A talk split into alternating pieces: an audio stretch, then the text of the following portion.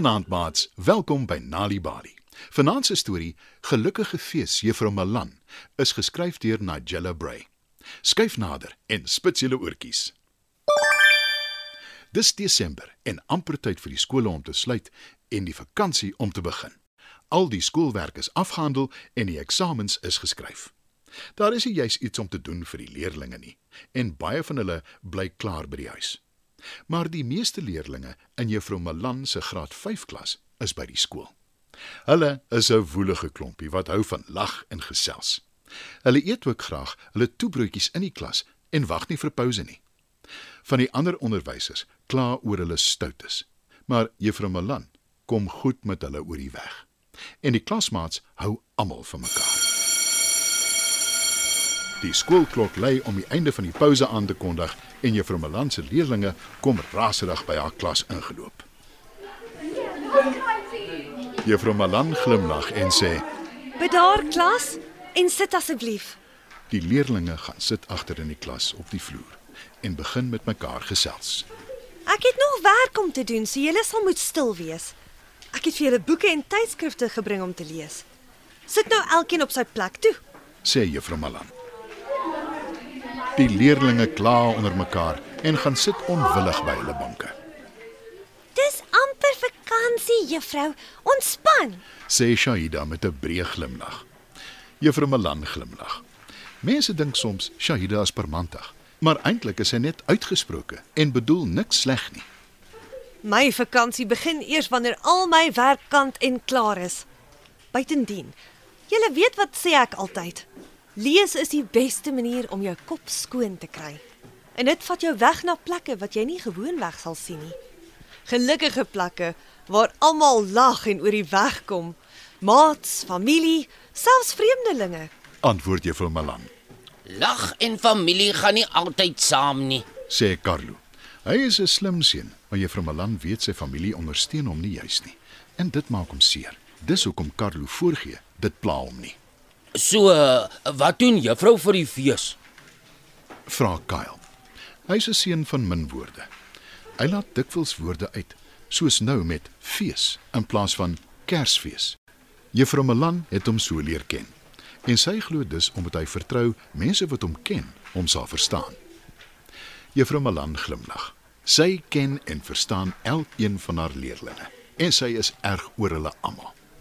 Sy lees self baie en dis waaruit die grootste deel van haar feesseisoen sal bestaan, want sy het nie familie nie en sy sal vreugde en goeie herinneringe kry uit die bladsye van boeke. Die skoolklok lui en Carlo spring dadelik op, Kom ouens, juffrou het werk om te doen. sê hy. En in 'n japtrap is die klaskamer leeg. Juffrou Malan kyk rond en sug. Toe pak sy al haar boeke en leers weg. Sy stap uit haar klaskamer en sluit die deur. Sy is verbaas toe sy sien haar leerlinge wag buite vir haar en hulle is buitengewoon stil, selfs skaam. Toe kom Kyle na vore. En sy besef hy gaan namens almal praat. Kyle hou 'n pakkie uit na haar. Dis toegedraai in bruin papier. Sy glimlag toe sy sien dis nie baie goed gedoen nie, Vir juffrou. sê Kyle. Juffrou Malan soek nog na woorde toe sy sien Shahida het 'n groot houer met bordjies en teelepels. Nog 'n leerling, Michelle, glimlag skaam en hou 'n bak met 'n heerlike tert uit na Juffrou Malan, Ek het dit self gemaak, juffrou. sê sy.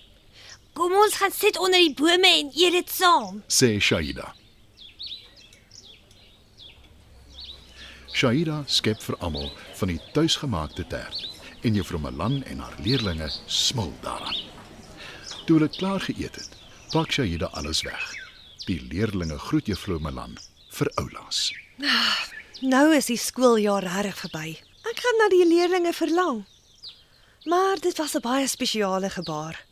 Ek sal die pakkie op Kersdag oopmaak. sê Juffrou Malan. Dis Kersdag en Juffrou Malan se tafel is gedek vir een. Tussen haar bord en die blomme is daar 'n foto in 'n raam. Dis van die graad 5 leerdlinge wat 'n plakkaat vashou met die woorde vir die heel beste onderwyseres wat daar is. Gelukkige fees, juffrou. Daar was ook 'n blok van haar gunsteling sjokolade en 'n kaartjie in die pakkie wat slordig toegedraai was met bruin papier, Dis die beste persent wat ek nog ooit gekry het. sê juffrou Malan. En sy dink met 'n glimlag aan haar leerlinge wat soms stout was, soms geraas het in die klas, maar wat diep in haar hart gekruip het. Vanaand se Nalibali storie, Gelukkige fees juffrou Malan, is geskryf deur Nigella Bray. Die storie is aangebied deur die Nalibali Leesvergenot Veldtog in samewerking met Standard Bank en SABC Education. Pappa is besig om sy baadjie aan te trek. Sy dogtertjie speel daar naby. Mamma ruim op. Pappa, lees asseblief my 'n storie voor pappa gaan. Groot asseblief.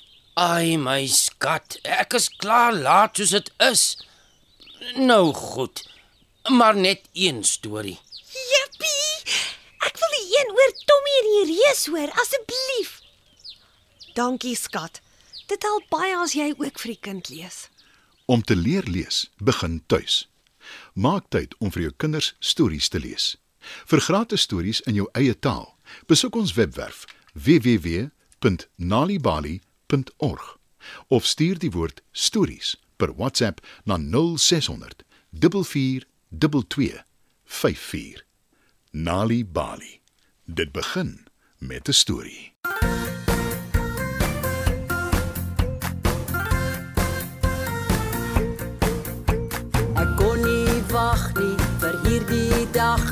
Want ons gaan speel en biljart.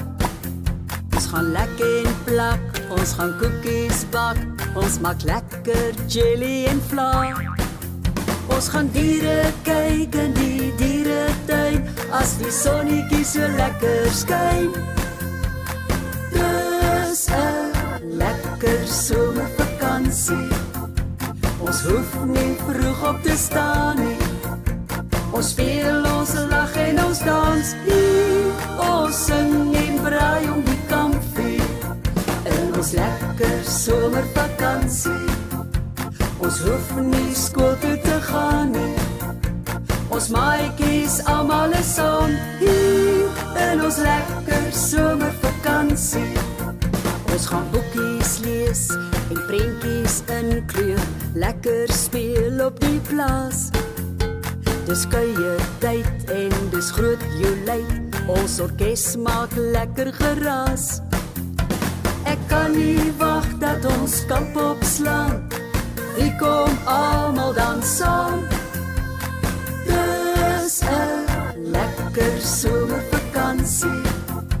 Ons hoef nie vroeg op te staan nie. Ons speel, ons lag en ons dans hier. Lekker somervakansie. Ons hoef nie skool toe te gaan nie.